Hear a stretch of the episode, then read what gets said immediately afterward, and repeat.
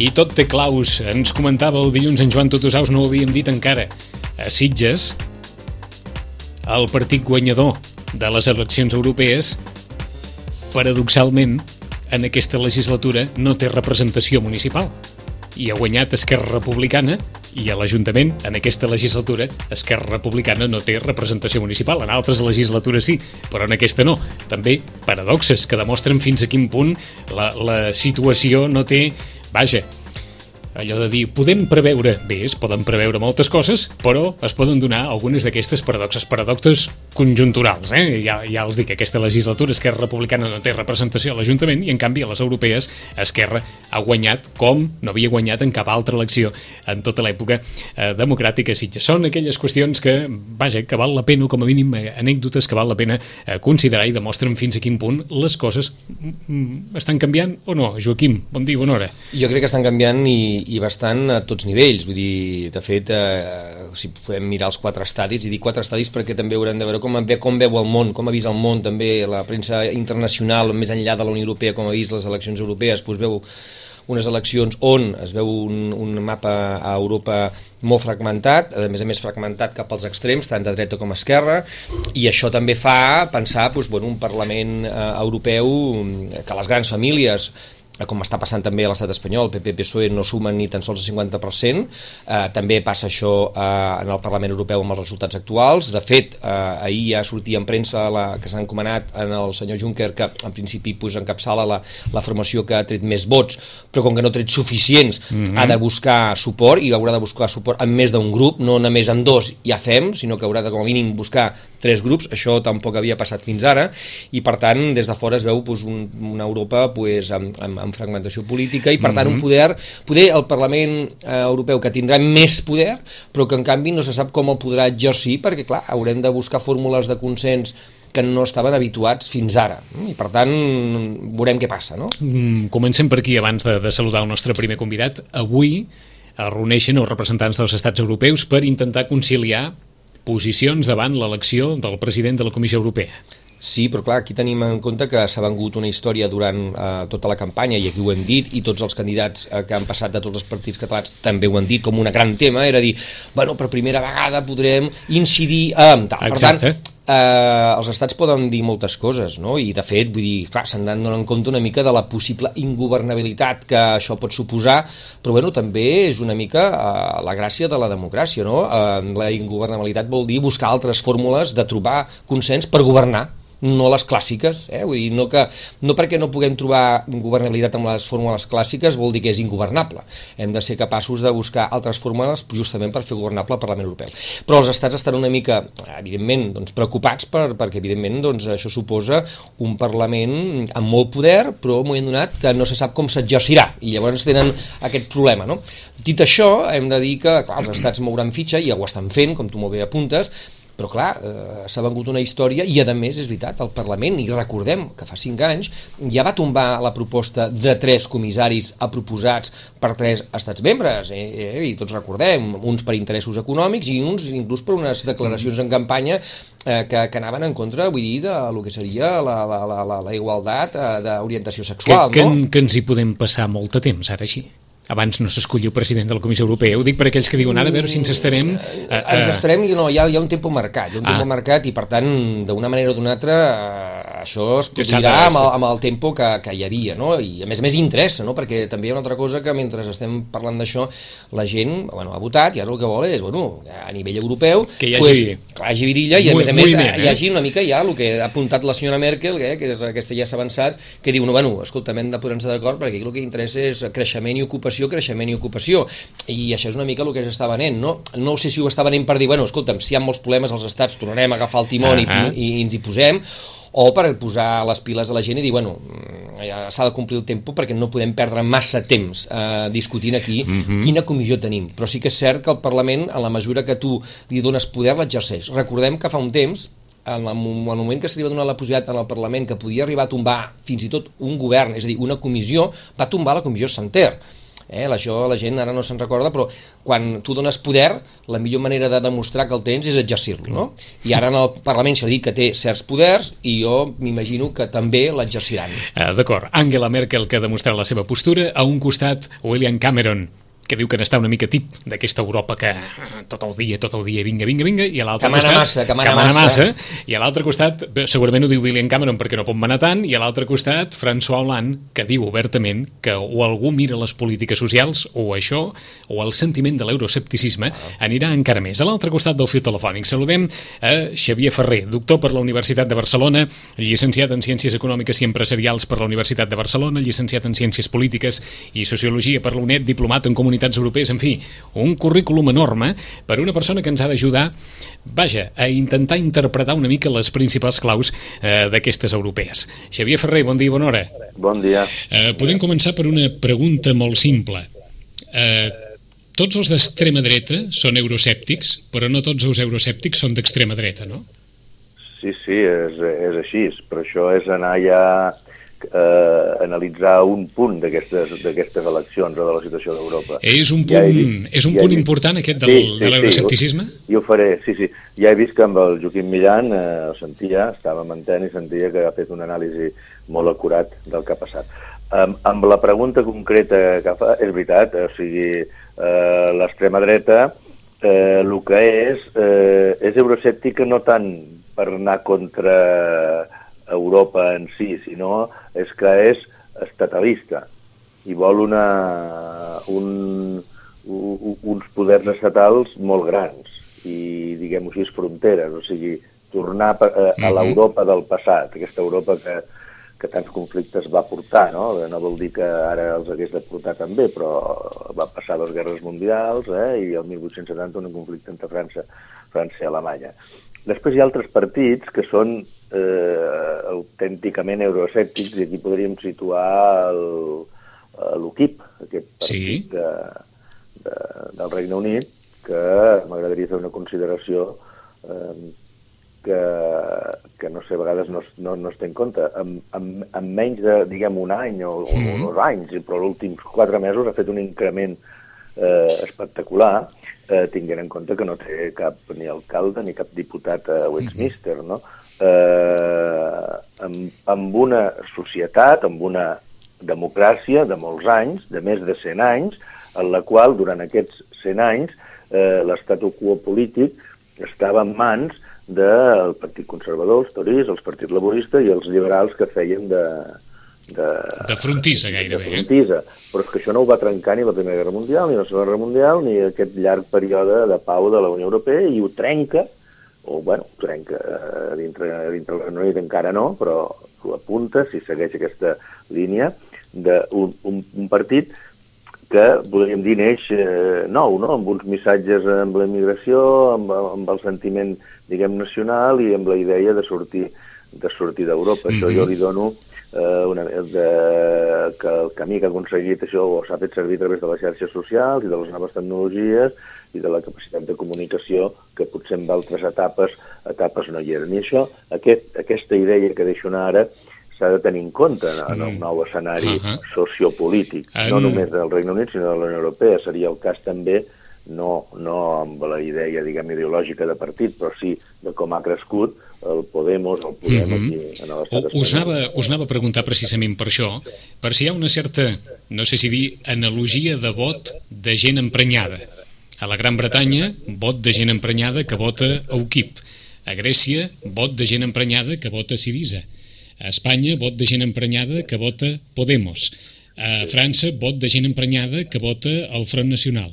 Jo crec que, a més a més, gent emprenyada que a la vegada no troba en els partits clàssics Clàssics. resposta, que és la Mhm. segona cosa per la qual entren altres partits a formar part, no, Xavier? Com ho veus tu? Sí, sí, però, però no troba, és veritat, eh, està bé, eh, no troba resposta en els partits clàssics, però eh, els partits que acaba votant segons els països, diguem-ho així, no tenen res a veure un amb l'altre. Ah, està clar. Eh? O sigui, que busquen acolliment amb, el, amb alguna estructura política Mhm. que el- s'ha sabut muntar en els diferents països i que el, els hi arriba en aquest, en aquest electorat, bueno, per dir-ho així, doncs, emprenyat. Emprenyat què seria? Doncs desencisat amb les institucions, eh, eh, molt, molt afectat per la crisi i, i bàsicament jo diria que són aquestes, aquestes dues coses. I l'entorn doncs, també desencisat amb la idea d'Europa que, que podien tenir fa uns anys. Eh? Jo voldria dir aquí, encara que no és la pregunta concreta, però que la Unió Europea eh, és útil i això no hauríem de perdre de vista. És útil i ha de ser útil. Potser la Unió Europea, tal com la tenim ara concebuda, amb, els, amb totes les polítiques que s'han fet en aquest, en aquest aspecte, en aquest escenari de crisi, és la que trontolla o la que fa dubtar en aquests ciutadans. Però en si és útil, canviant, canviant el que toqui canviar. Per això hi ha els polítics que han d'analitzar el que demana la societat i tal. Perquè si anem cap als estats eh, anem malament. Hem de pensar que el món cada vegada és més, més global, hi ha unes àrees econòmiques i polítiques molt grans, Xina, la Índia, Estats Units, que ja hi era, Llatinoamèrica, en Brasil, eh? Rússia amb la seva capacitat energètica, que on anem junts tots, aquests 500 milions de ciutadans, amb la fórmula, diguem, de la Unió Europea, o d'aquí poc, si tirem enrere, no tindrem capacitat mm. d'influir. Què teniu la sensació, en el fons, que més enllà de les polítiques de la Unió Europea i de com els ciutadans les han percebudes, que òbviament no les han percebudes d'una forma massa positiva, perquè si no no estaríem parlant de, de tot això, la pròpia Unió Europea ha estat agafada com a asa dels cops a casa de cadascú per, no sé si dir, per projecció de vot particular a cadascun dels no, estats? Això, això és evident que és així, però no només ara, o sigui, a veure, eh, eh, l'estat espanyol durant 20 anys, eh, les diferents regions, han, han rebut en, en, en, la suma de l'1% del producte interior brut espanyol, uh -huh. de la Unió Europea, amb fons estructurals, i fons de cohesió i un disbarat de, un disbarat de diners, vaja. De diners, que després els hem, els, se'ls han fet servir per lo que sigui, no? Eh, per no parlar-ne, sí. La idea, la idea era fer-ho servir per fer créixer l'economia productiva. Exacte. La finalitat era de que les regions pobres anessin acostant a les riques d'altres estats, no? Uh mhm. -huh. eh, no és el cas de Catalunya, perquè no ha estat mai amb aquests, amb aquests fons, però altres regions més pobres. Eh, I no s'ha aconseguit equilibrar. Però tampoc s'agraïa res a la Unió Europea de que arribaven aquests fons, no? mm, fins i tot a vegades semblava que eren els propis estats els que, els que, els que ho, ho feien. No? Per tant, ja no, no, la, la, la comunicació a la Unió Europea o la, o la percepció de la ciutadania amb la Unió Europea sempre s'ha Ara, què passa? Ara s'ha agreujat molt més perquè eh, davant la situació de crisi i la situació de que en alguns països s'ha arribat a la, a la conclusió de que hi havia d'haver uns ajuts externs i fins i tot algunes, alguns rescats en alguns països, i en aquí a l'estat espanyol un rescat encobert, diguem, de la banca, doncs llavors això, tal com s'ha muntat el rescat, segurament es podria haver muntat d'una altra manera, doncs eh, en àmbit europeu doncs, ha fet que la ciutadania que ha patit i està patint aquesta crisi, doncs, eh, tingui com la sensació de que tot això arriba d'Europa, però mm -hmm. l'origen del problema no és Europa. Europa, en tot cas, forma part de la solució. En qualsevol cas, però, aquesta visió no és la que ha quedat. No sé si per manca de maduresa, no sé si perquè ens estem comportant com a nens que van tenir el Carmel i ara com que li han tret ens hem enfadat amb, amb Europa, però aquesta sensació que augmenteu no és la que han palesat les eleccions, no? Sí, no, no, sí, no. és, el que, és el que dic, sí, sí. Que, no, que és evident. Eh, I en època de, de bona, diguem, la Unió Europea tenia una, una imatge doncs, bueno, com a mínim no es feia, no s'aprofitava per dir tots els avantatges d'estar a la Unió Eh? Exacte. Mira, us poso un exemple, un exemple que és que potser a vegades s'ha de sortir del bosc per veure, per veure els arbres, no? Uh, a veure, aquí qüestionem la Unió Europea, qüestionem fins i tot les estructures dels estats del benestar i el que s'està patint, eh? però i tenim raó de fer-ho i, tenim, i s'ha d'arreglar d'alguna manera, però s'ha de preservar, eh, però al costat hi ha estats que només estan esperant per entrar a la Unió Europea. O sigui que a vegades no sabem valorar el que es té i els que no hi són sí que, sí que ho saben. Amb això no, no, no, no, no trec eh, per res eh, el, sentit de, el sentiment de molta gent que, que està patint la crisi mm. i que és normal que tingui una reacció eh, contra els governants. I si fem l'anàlisi no només és contra els governants o contra la Unió Europea, perquè si no eh, ja s'ha vist que, que pràcticament cap partit governant ha, ha guanyat, tot i que es vulgui fer veure que sí, perquè a nivell d'estat espanyol s'ha dit el partit del, del, del govern ha guanyat les eleccions, però ha perdut eh, dos milions i mig de vots. Eh? I Alemanya ha guanyat les eleccions europees de Merkel, però també ha perdut vots. L'únic que pot dir que ha guanyat les eleccions, i és, jo diria que perquè és una força, estan en el govern, però és una força nova, novedosa, i que il·lusiona, és la, la Renzi a Itàlia. Eh? Mm -hmm. Escolta'm, Xavier, tu ens deies que una de les coses que eh, es percep és que, malgrat, per exemple, l'estat espanyol portem més de 25 anys formant part de la Unió Europea, no tenim aquesta percepció de lo que ens aporta la Unió Europea, de les avantatges que en tot cas suposa ser membre de la Unió Europea, i per tant des de la ciutadania això no es veu. No es veu pregunto, perquè la Unió Europea no se sap explicar, o no es veu perquè les informacions que ens arriben moltes vegades, explicades pels propis estats, expliquen una Europa segons els interessos de cada govern de cada moment. Què és el que està passant? Perquè la gent no sàpiga exactament encara en unes eleccions, hem de seguir fent abans de dir res, el primer, la prèvia és fer pedagogia, eh? de dir, bueno, anem a votar això, perquè us ho expliquem perquè encara no ho sabem, no?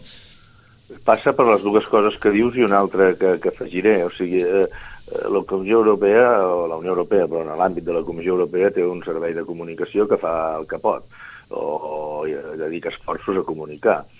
Però, però l'altre, el, que, el que vull aportar més del que dius és, és que, que l'estructura de la, de, dels estats de la Unió Europea, l'estructura dels mitjans de comunicació i, i la dinàmica de vida de lo que és la, no, no només els estats, sinó les, les ciutats, les comunitats autònomes, els estats, eh, eh, tenen estructures de mitjans de comunicació més, diguem, d'ordre local, no europeu, eh, si, si, si m'enteneu, no europeu. Llavors, tota la, tot, totes les notícies d'Europa, que venen d'Europa, es, es presenten per mitjans de comunicació, televisió, escrits, amb clau mm, europea, eh, perdó, en clau local, diguem, local estatal, local, municipal, eh, comunitat autònoma, com vulgueu, no?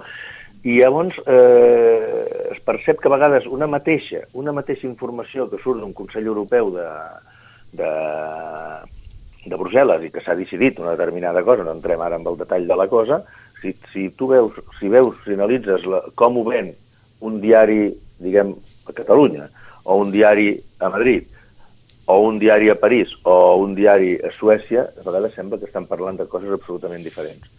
I aquesta, diguem, distorsió de la informació, no, no critico ningú, eh? Us dic, dic, ho explico com una, com una realitat. Eh? Aquest, no, no, tant, no voldria dir aquesta distorsió, aquesta diferent forma d'expressar la, la informació fa que, que es perdi l'essència de lo que és la, la Unió Europea i, i com, com què s'hauria d'aconseguir? Que hi haguessin mitjans de comunicació d'àmbit europeu i que els llegissin tots. Això també eh, eh, ajudaria a una cosa que per mi és essencial i que ens pensàvem que s'iria aconseguint i també ha costat molt, que és, seria anar a construint un demos, un poble europeu, una ciutadania europea que veiés la vida, la vida, el, el dia a dia, en clau europea. Una opinió pública que en alguns sí. temes sigui opinió pública a nivell europeu, que aquest és una sí, mica el que, el que falta, jo penso, no? També? No només ara que hi ha eleccions, sinó durant els cinc no, no, anys, no? No, no, no, parlo de... de que hi ha entre eleccions i eleccions, no, no, de no existeix relacions això. Del, les relacions del dia a dia. Eh, em vull creure, però, que això mai resultarà excessivament senzill i menys en un moment en què continua, després de la celebració de les eleccions, de palesant-se que hi ha una Europa que li està dient a una altra Europa que potser aturi ja una miqueta o aturi d'una vegada determinades polítiques econòmiques per tornar a pensar en la ciutadania i en aquells valors que van fer d'Europa en el seu moment un baluart mundial de les polítiques ciutadanes i dels sí. valors per, per continuar endavant, no? Sí, sí, però això, això ara potser diré una cosa que no és, que no és diguem, políticament correcta, però uh -huh. que s'ha de tenir en compte. A veure, eh, l'estat del benestar que el volem tothom, no, no té un cost, no és una cosa que, que surti de, només de la, de la voluntat de fer-ho, sinó que s'ha de pagar. Eh? I, I què s'ha fet? S'ha crescut molt, eh? fem aquí aquelles tres xifres, eh, som el 7% de la població, generem, a nivell de l'àmbit europeu, eh? de Unió Europea, generem el 25% de la riquesa, el producte brut del món, i gastem amb estat del benestar uh -huh. el 50% del que gasta el món. Vol dir que el 7% de la població dedica a l'estat del benestar, i això està molt bé, el mateix que hi, que hi dedica el 93% restant. Però clar, això per mantenir-ho, per no, ja no per augmentar-ho, només sí, per sí. mantenir-ho, requereix, requereix un cost, requereix que hi hagi eh, ingressos via impostos i, i i llavors, eh, clar, el que no es pot mantenir sempre, diguem, a base de, de més deute, més deute, més deute, perquè el deute al final s'haurà de pagar.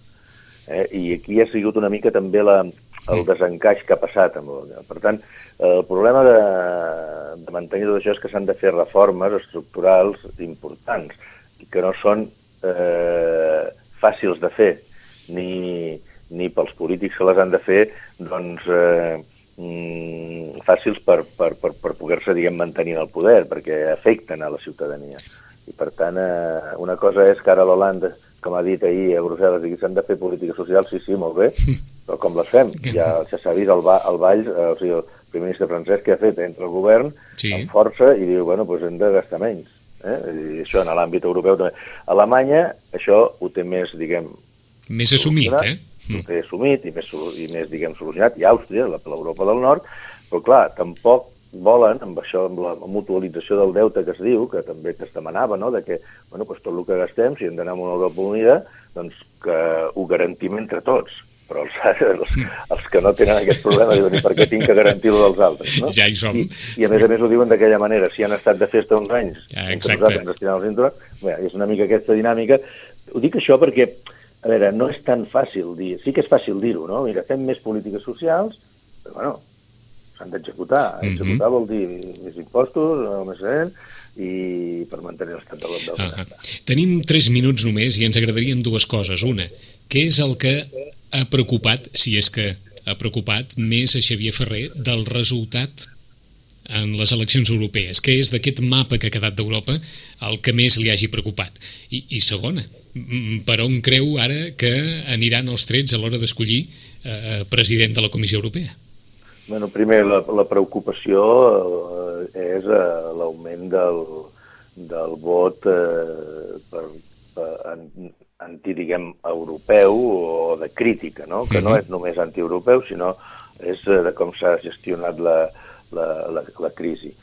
Eh, això és d'una banda, ja ho hem parlat abans, sí. no? les, les diferents eh, orientacions del vot, no? segons els països. I això és una preocupació que perquè arriba a un 15 o un 17%. Per tant, s'és a temps a revertir-ho. Si es fan, el que hem estat comentant que s'hauria de fer i que no és fàcil, també s'ha d'entendre. I el següent, jo crec que, crec que m'he parlat amb el, amb el Chupin Millan, a veure, mmm, si s'ha dit en els ciutadans, per activa i per passiva, que, que seria president de la comissió un dels cinc candidats que a més a més van fer un debat a Brussel·les, en el qual aprofito per dir que, que es va parlar de, de Catalunya, Exacte. cosa que no va passar en el debat estatal, uh mhm. -huh. eh, entre dos, eh, doncs eh, que ara, tot i que legalment ho poden fer, els caps d'estat de govern es plantegin que no sigui cap dels cinc, o que no sigui el que en teoria ha tret més això seria, eh, això, seria seria reblau clau, seria això. Home, eh? això seria ja, ja el primer punt d'una falta de confiança, o d'una falta d'atenció eh, a, a la ciutadania eh, que, que seria molt difícil de que la ciutadania recuperés per aquesta via il·lusió amb el projecte europeu. Per tant, han de ser conscients, tot i que ja seguia interessos i que el Cameron eh, diu no, perquè aquest senyor és més europeista que de lo que jo vull, o l'altre... Però tot això són missatges en clau estatal, perquè li interessa anar, eh, tornar al, al Regne Unit dient, ei, mira què he dit jo, eh, vull un que no sigui tant... Eh, al final Juncker o Schulz o, o el liberal, qui sigui, farà, diguem, les polítiques que, que, que, que una mica li deixin fer entre tots, per dir-ho així, no? Mm. I, i, i l'Holanda aprofita per dir de fer polítiques socials, perquè internament, o sigui, mm, -hmm. l'interessa per França, no? Eh, per tant, centrant-ho i, per, i per acabar aquesta reflexió, seria una falta d'atenció a la ciutadania que generaria una més una altra falta de confiança i un desencís molt important respecte a Europa. Xavier Ferrer, gràcies per estar aquí amb nosaltres, per esgarrapar aquests minuts eh, i intentar, doncs, allò, mm, situar-nos en aquest mosaic tan heterodox que, que ens ha sortit després de les, de les europees. Gràcies, us saludo en Joaquim Millán. Gràcies, Xavier, fins la propera, una abraçada. Gràcies a vosaltres. Gràcies, adeu-siau.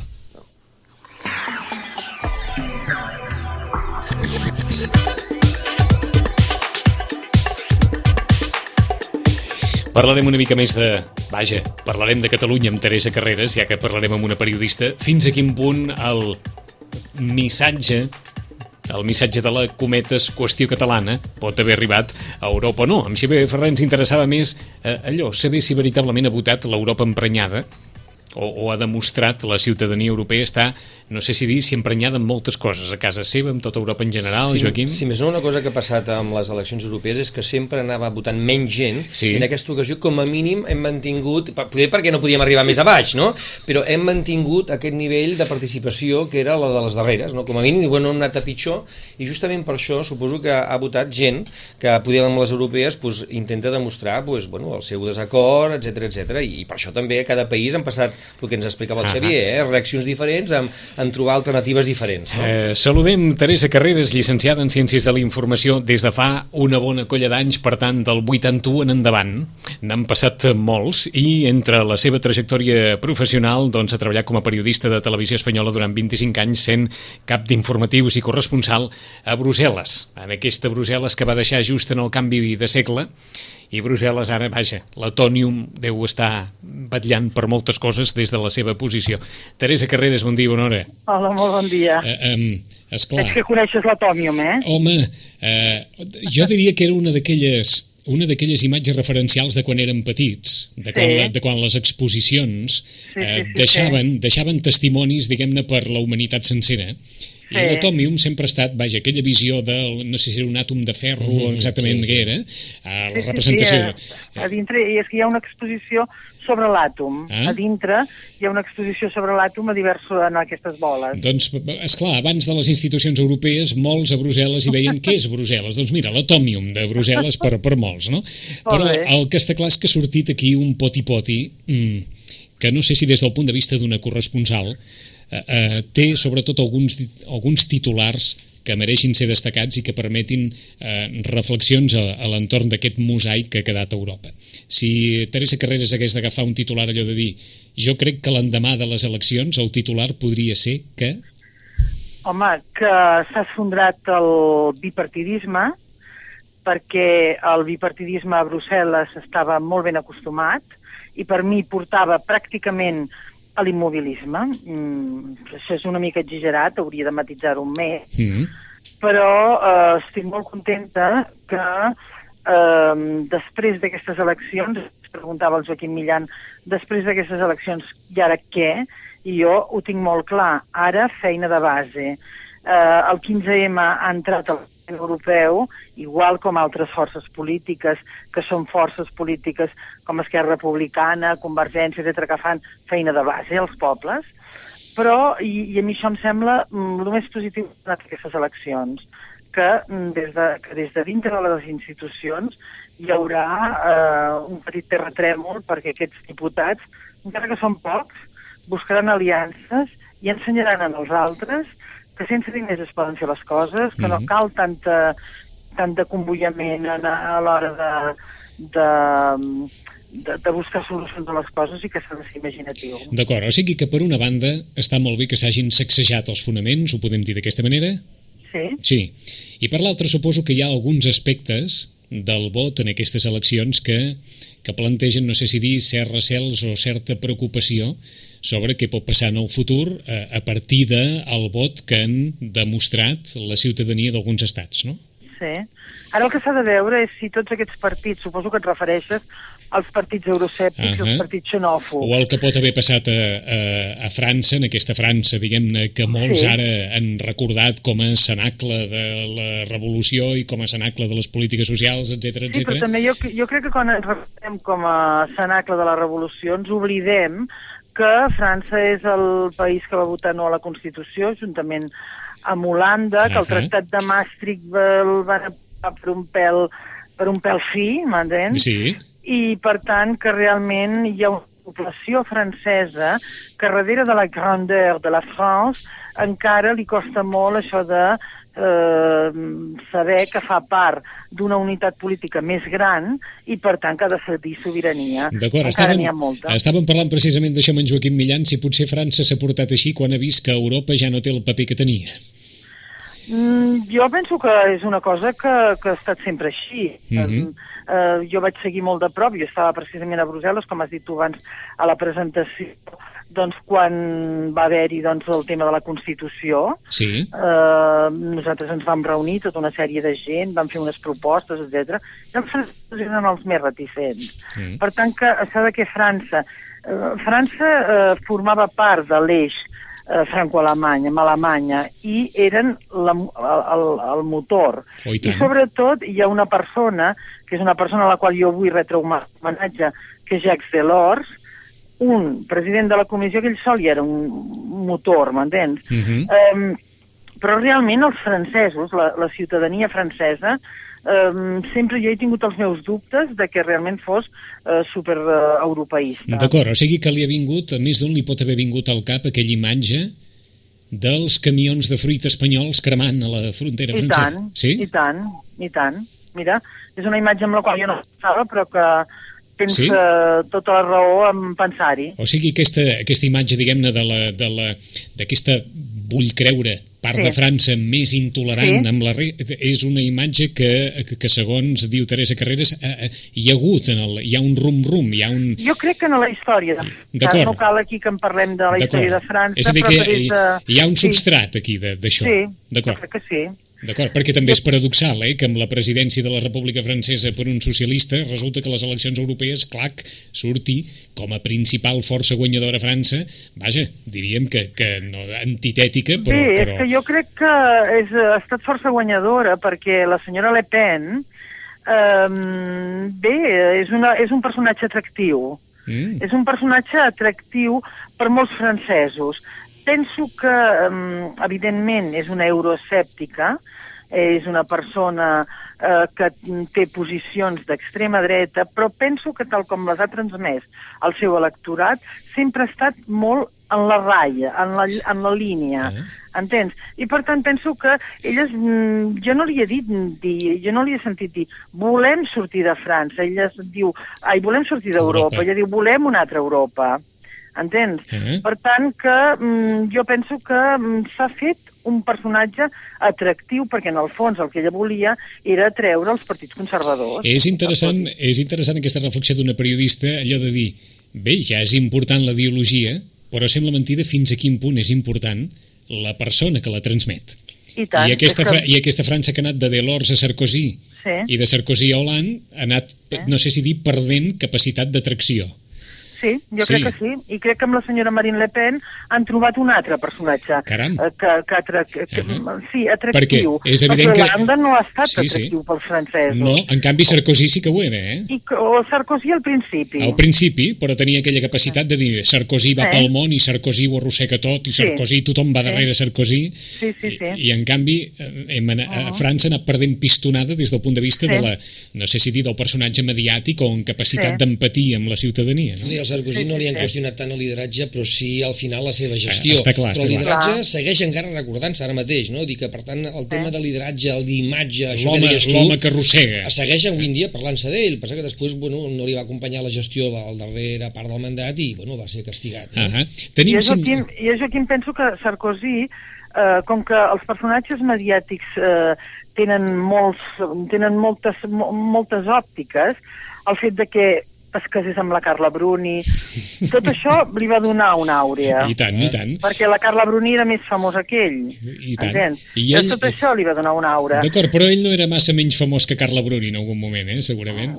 Bé, perquè havia fet... Eh, eh, havia tret els immigrants eh, de, de les banlieues, eh, de moltes ciutats Sí. franceses, i per això era famós. Però jo crec que precisament la Carla Bruni, la seva primera dona, etc, el divorci, tot això de que forma part de la premsa rosa, però que acompanya amb un polític, doncs realment el van ajudar. Ahà. uh, Holanda ha tingut la mala sort de que ha fet una una putineria, perdó per la paraula, sí. i això no l'ha ajudat gens. Eh, ens queden 5 minuts a una corresponsal que ha estat tant de temps al no, món... Parlem d'Europa, no el... de les caldilles. No, de però, però, però ens agradarà eh, a una persona que ha estat al moll de l'os durant tants anys, quina sí. percepció pot haver ara de Catalunya, de la qüestió catalana, sí, i sí. si Catalunya, en el moll de l'os d'Europa, a Brussel·les, ha significat alguna cosa, o Catalunya ja era alguna cosa, o veritablement... No. Eh, eh... Jo, uh -huh.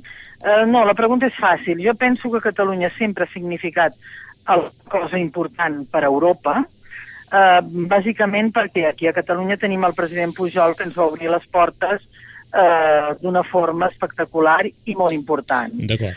Uh, per tant, mm, jo penso que això és important. I que després... És a dir, Pujol, el- Pujol en el seu moment va fer d'ambaixador.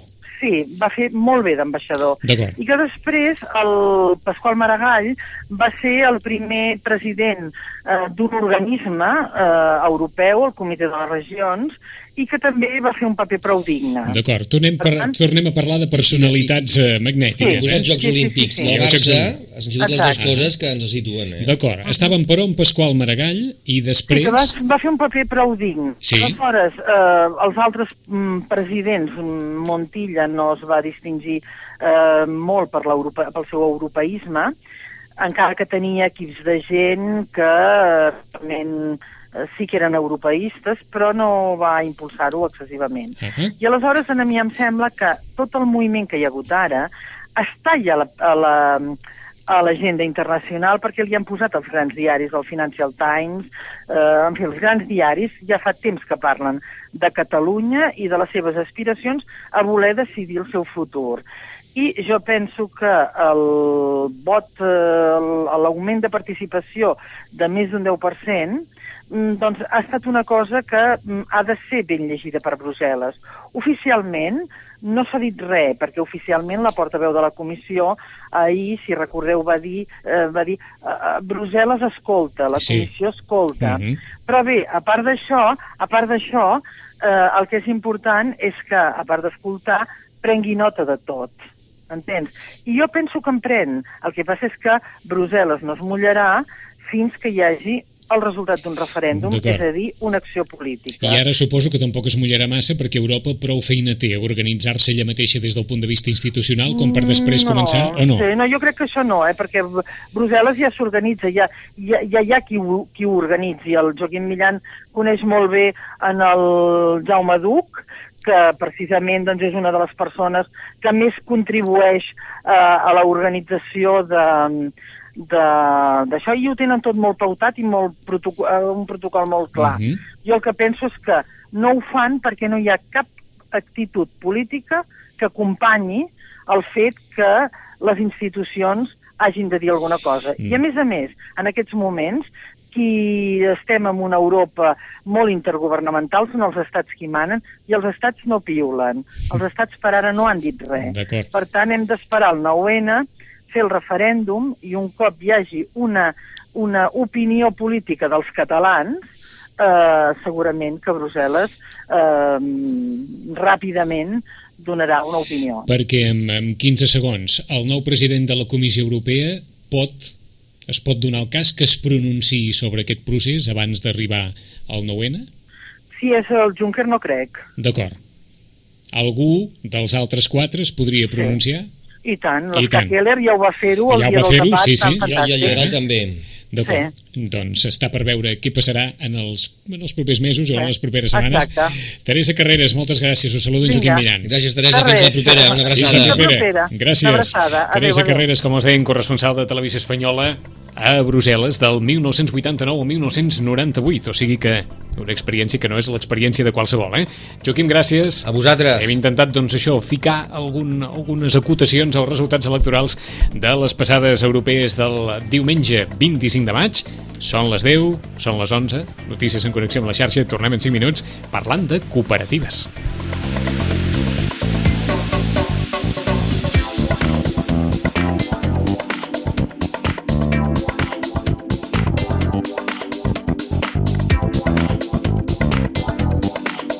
Ràdio Maricel, cada dia, al matí amb nosaltres.